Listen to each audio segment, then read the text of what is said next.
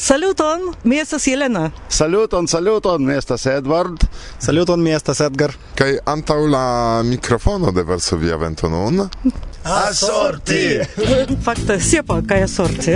Ai, stimu la verdastero. Yes, yes, yes, kompreneble.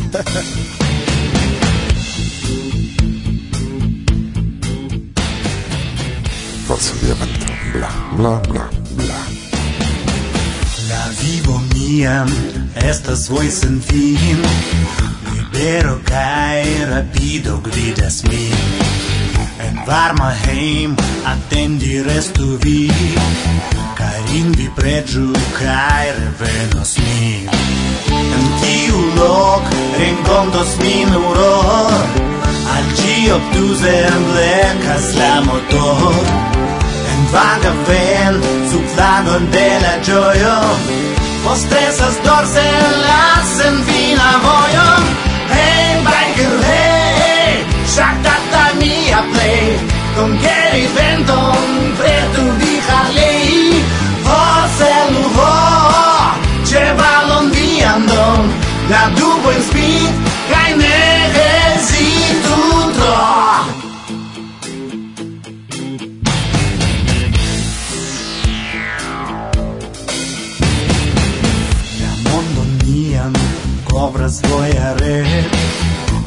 Бело слячевал он гунем бег Мотор бон фида серва сенек цель Кондукас мин Анджеле Аннацель Dangeras kaj ne simplas rajvetur Sed mi preferas flugi cum plezur Se estas vi simila kiel mi. Amico mia, tiam estas vi. plej Konkeri venton pretugi halei Voselu ho Ĉevalon viandon La dubojn spit kaj ne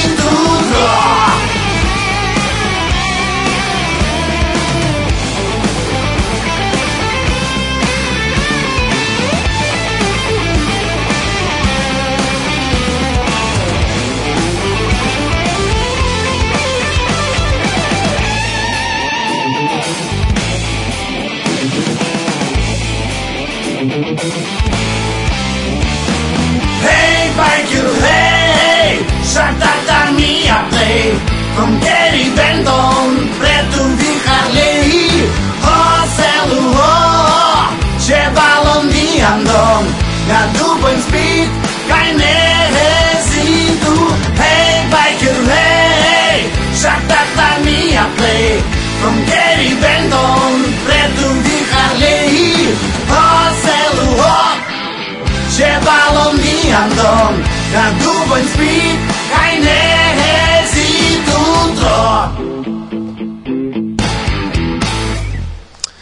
A sorti. Da, mm, finigis la libertempa periodo. Bedaurinde. Bedaurinde. Citie en la meza Europo plene jam regas la ora autuno. Kio videblas. Kaj senteblas. Se temas pri la tagaj kaj noktaj temperaturoj. La ora, mm, tiel oni nomas ĝin, eh, simple pro koloro de la arbo folioj. Pro apero de noctei frostetoi ili farigas acre flavae, orange-colorae, rugiae. Kaj estas tre bele. Sed ŝajne tempo mm, komenci post la somera paŭzo, ĉu? Saluton do karaj aŭskultantoj. Saluton kie ajn atingas vin nia voĉo. Saluton el Varsovio. Pollando.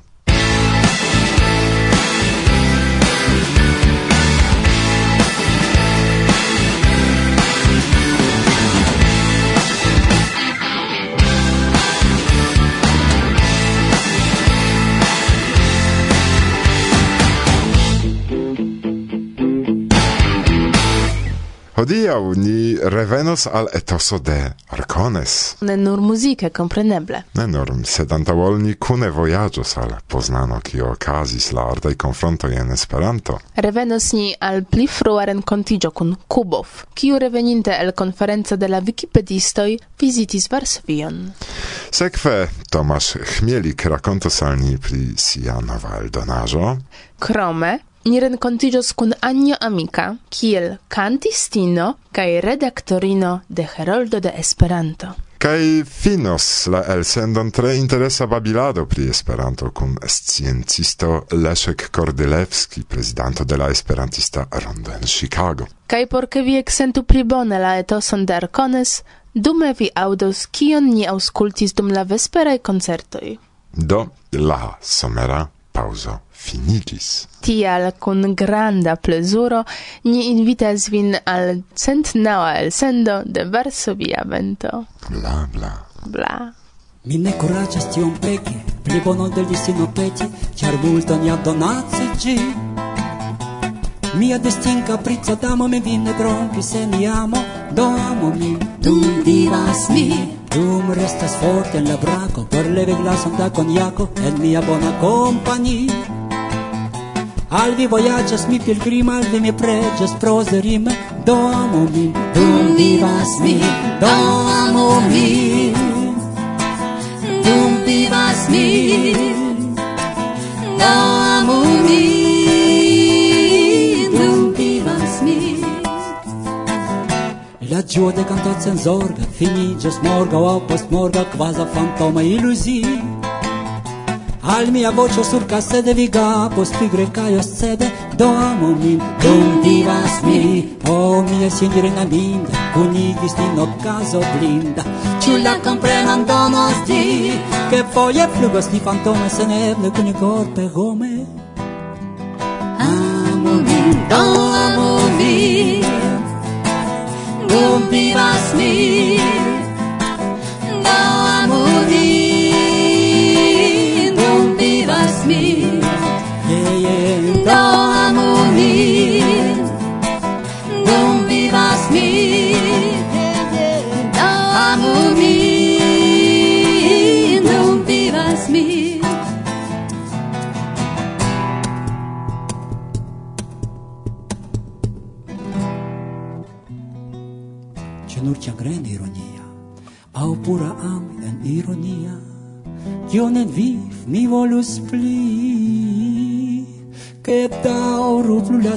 striu de festo e mi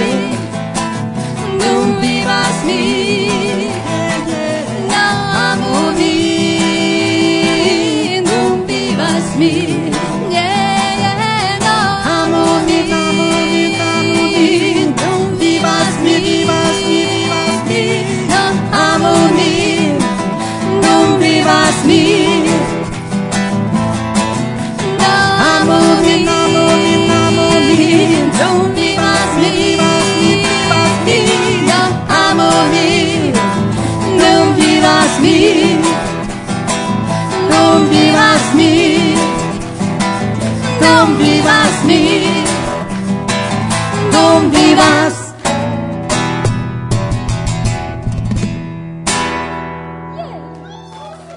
Varsovia vento el sendo kaj antaŭ mi du homoj, kiuj okupiĝas pri unu temo. Saluton, mi estas Marek el Polando. Saluton, mi estas Kubo Fromosau de Slovakio. Kaj pri kio temas? Nia temo estas Wikipedio. En slovaka, pola lingvo kaj en Esperanto, ĉu? Kompreneble en ĉiuj tri. Do antau momento mi estis attestanto fakte de intervjuo pri Wikipedia afero kai konferenco kio okazis kio okazis giuste la konferenco. Estis en villaggio en Estonio. La intervjuo estis tre interesa, ĉar estis por Wiki Radio libera. En la pola lingvo imagu, do Kubov parolis preskaŭ perfektan polan lingvon kaj la pola aŭskultantaro audos tion. Do mi ne estas specialisto pri Wikipedia, mi havas komputilon kaj de tempo al tempo mi uzas ĝin. Do iomete klarigu pri kio temas kaj eble kelkaj vortoj pri la konferenco kaj Marek diro pri kio vi okupiĝas porque ke aŭskultantoj sciu ke konante Esperanton oni povas babili dum la aranĝoj, sed ankaŭ ion sencan fari kune, kune internacie. Do eble unue pri konferenco. Jest, czar konferencja estas lasta afero. Do, temas pri uh, semajnfina konferenco en Estonio pri Wikimedia aferoj kaj por subteni Wikimedian movadon. Kaj fakte kio estas Wikimedia movado?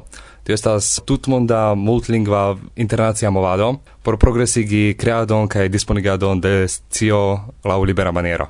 Dum tiu konferenco renkontiĝis multaj organizoj de centra kaj orienta Eŭropo, estis reprezentantoj de egeam spertaj organizoj, ĝis organizoj kiu estas daŭre en proceso de kreado kai ni intertraktis temoin kiel progresigi niajn organizojn kaj tiel helpi al movado kiel helpi al novaj organizoj kaj kiel povas ekzemple jam spertaj organizoj helpi al la malgrandaj. Mm -hmm.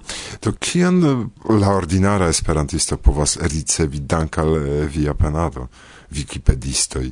Mm, mi pensas ke Esperanta Wikipedio kaj pola kaj slovakia Wikipedia estas grava por Esperanto, czar Wikipedia estas libera, czy povas legi kaj ekzemple printi kaj uzi tekston al lia paĝo, lia libro kaj nur devas priskribi kio estas aŭtoro, ke tio estas el Wikipedia kion eh, ankaŭ nekutima esperantisto povas ricevi de Wikipedio. Tio povas esti interesa. Ĉar komence de tiu ĉi jaro, 2015, Teo vizitis Burundon por eh, revizi ĉu eblas kaj ĉu bonas tie fari iokon. Estas plano por 2017. Kaj Teo samtempe donacis komputilon al lokuloj por pli progresigi esperantan movadon tie kaj unu el donacoj ene de komputilo estis kompleta Wikipedio en Esperanto, por disdividi scion ankaŭ kun niaj afrikaj fratoj. Davido, tamen eh, utila laboro. Teo do signifas junularaj aferoi, sed eh, estas multai ne junuloi en la movado kion vi alili recomendus? Ču Ĉu ili rajtas eh, labori pri Wikipedia aferoi? Ču ili vere devas esti lertai informatikistoi pri tiu aferoi? ili capablas uzi komputilon, vidi la pagioi, ču ne legi ilin, skypumi? Kion vi dirus al tiui homoi? Eh, mi pensas ke Wikipedion raitas redakti ĉiuj homoj, kiuj scias eh, kial uzi komputilon. Sufiĉas iri al supro de pagio, ke klaki butono redakti kai poste ciu kiu povas verki red poŝton skribi al sia amiko per komputilo ja povas aldoni ion al Wikipedio. Mi kompreneble rekomendas antaŭe legi kilkena artikolin por kaptila stilon stilon, technika teknika vidpunkto estas nuntempe multe pli facila. Same simila kiel sendi poštan leteron al amiko, Ĉu estas homoj kiuj povas konsili al eventualaj volontuloj kiuj diros nu bone mi havas iom da tempo mi povas dediĉi ĝin por pli ricigi Wikipedion, sed mi timas, char mi ne vere scias kion fari, ču ne? Ĉu estas iu consileio? Do mi rekomendas veni al Facebooko, kie estas publika grupo Esperanto Wikipedio, kaj tie metu vian demandon kaj estas tie multaj homoj kiu povas doni al vi konsilojn kaj helpi al vi aldoni novan artikolon al Wikipedio. Kaj se oni ne ŝatas Facebookon kaj ne havas ĝin, Ankaŭ en Wikipedio povas skribi al uzantoj, ciam estas homo kiu volas helpi. Antaŭ kelkaj jaroj eĉ starigis projekton de Wikipedia helpantoj, kiuj funkcias kiel tiuj perantoj. Do homoj ĉu verkas tekston, ĉu tradukas, sendas gin al Wikipedia helpanto, ke tiu gin en Wikipediigas. Nun tempe ni volas restarigi tiun ĉi servon, ĉar ja mult obliĝas homoj kiuj simple tradukas tekston, sed petas nin pri meti tiun ĉi materialon al Wikipedio. Do, care homoj, pri Wikipedio ni povas paroli longe, kaj eh, nuntempe se vi vidos okulojn de mia interparolanto, ili estas lacaj, ĉar ni hodiaŭ havis internacian renkontiĝon en centro de la urbo, kaj nuntempe estas posmeznokto. Karaj, ne timu demandi pri tiuj ĉi aferoj, se vi havas iom da tempo, estu volontaj helpi al la evoluo de la movado, ĉar Ludoviko petis nin pri tio. To En eh, provizora studio parolis Irek kun Marek, dankon. Kubov, dankon. Dankon.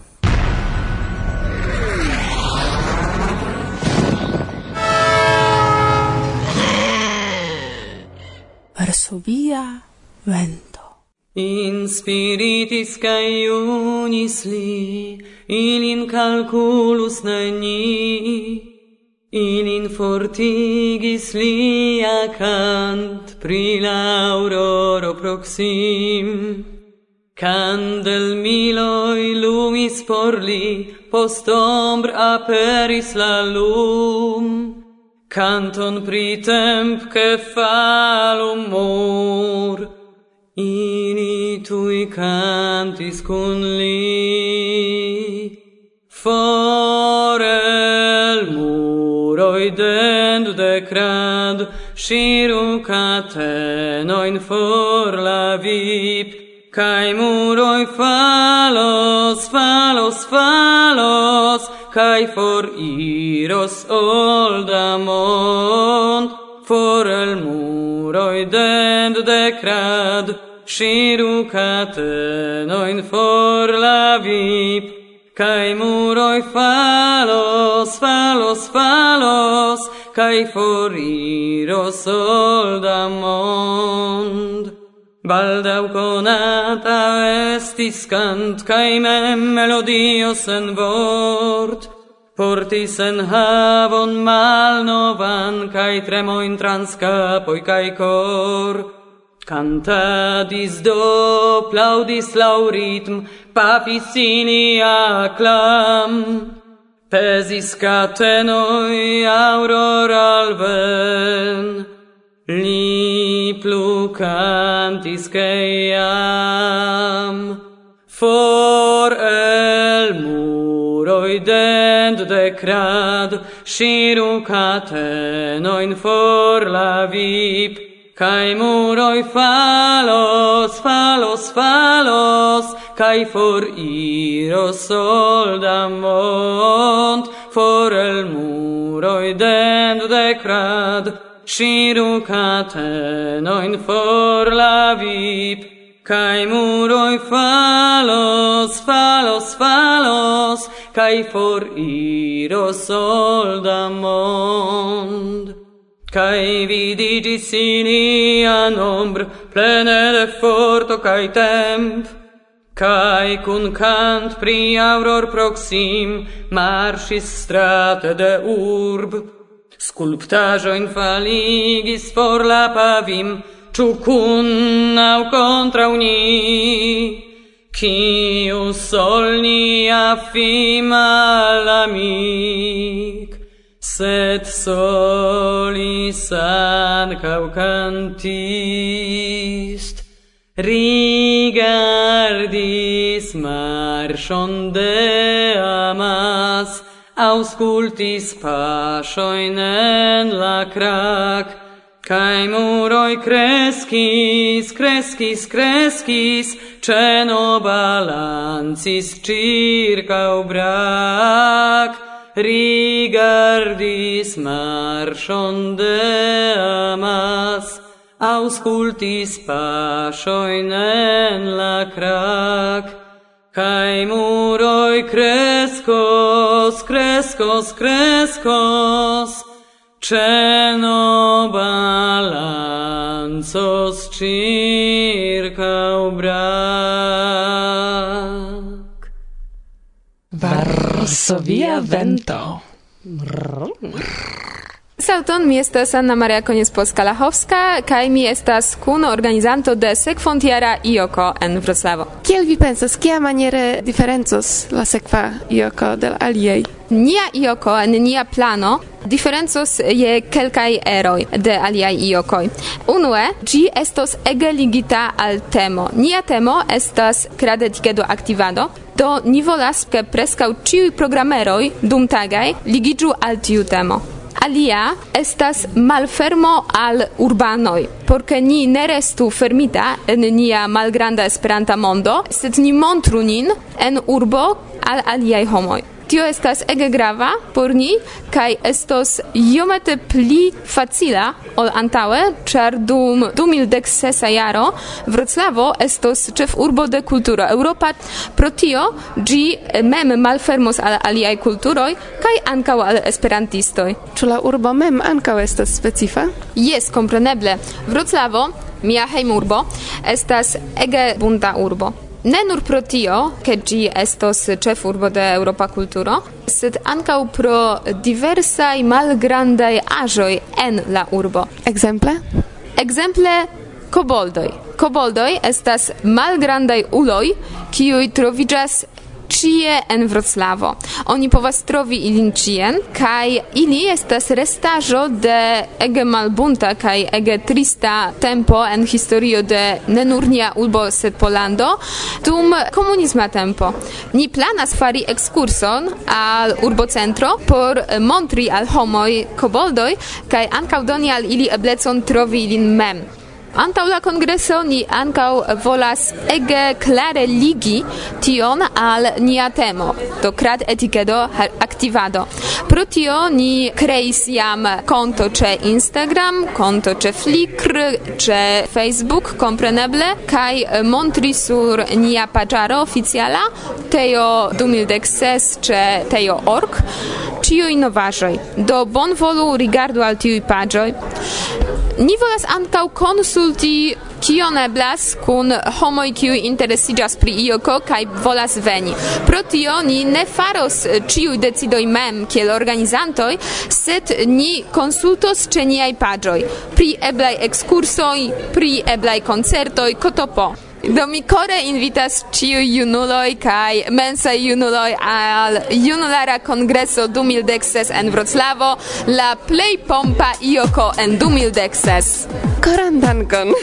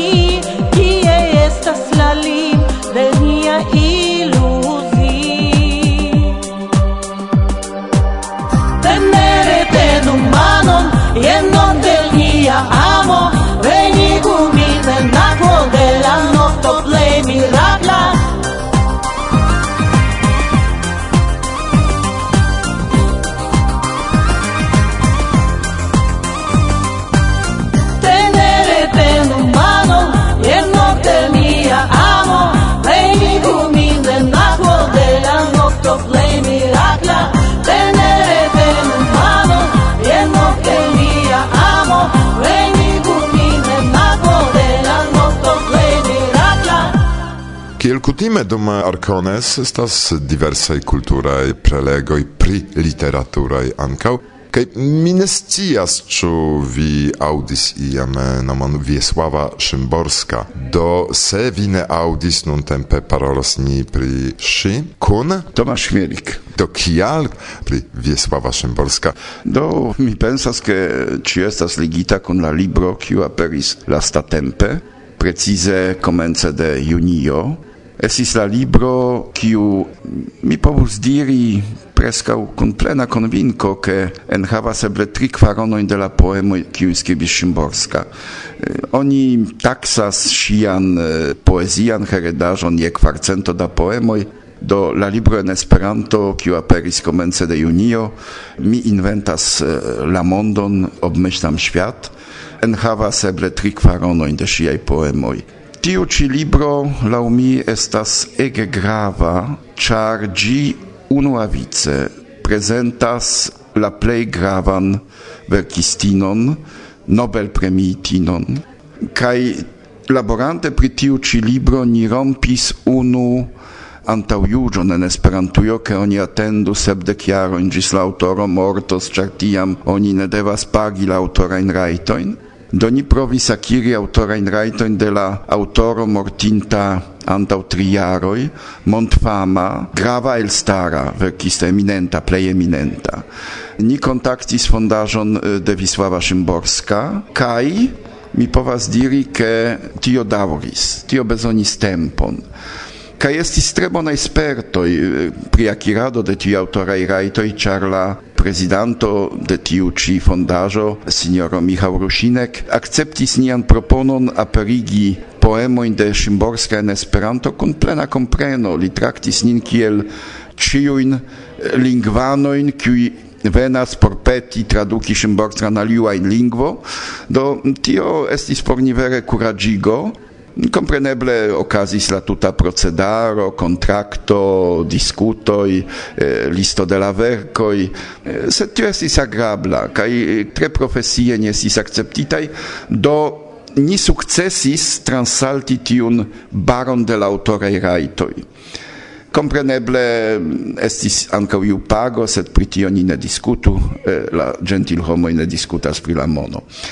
Do mi pobus diri tiel, la tradizio de la tradukado de Wisława Szymborska el Esperanto havas en Polujo kvardek jarojn preskaŭ. Komencis traduki ĝin jam Chris Long, kaj liaj poem tradukoj aperis sur la paĝoj de literatura foiro.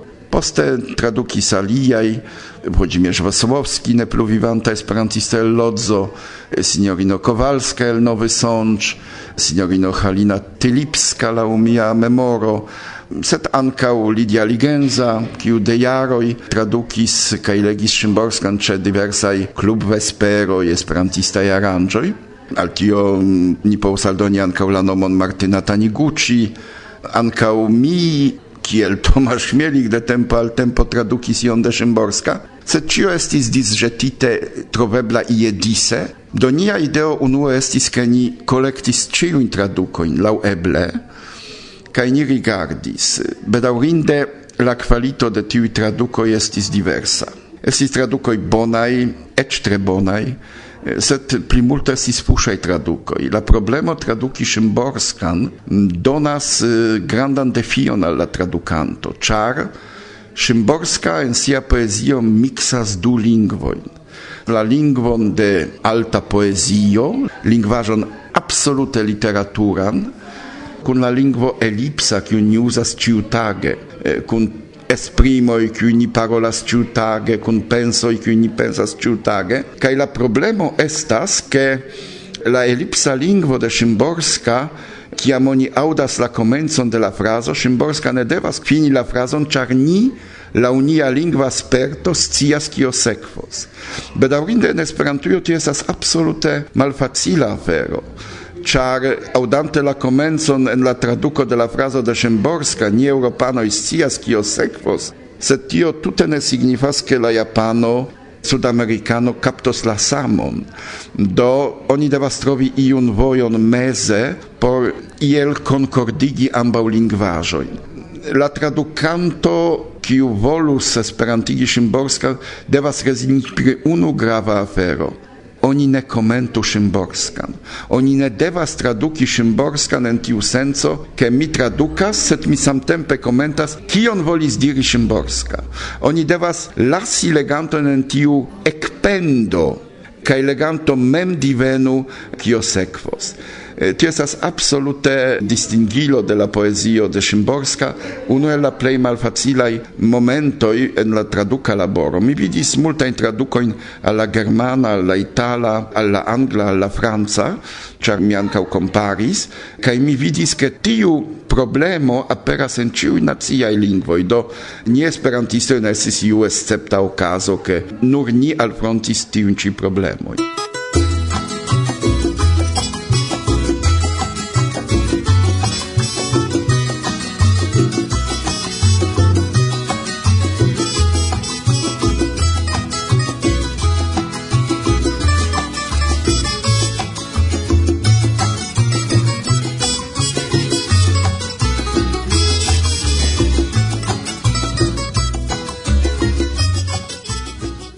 Varsovia vento. Bla, Bla. bla.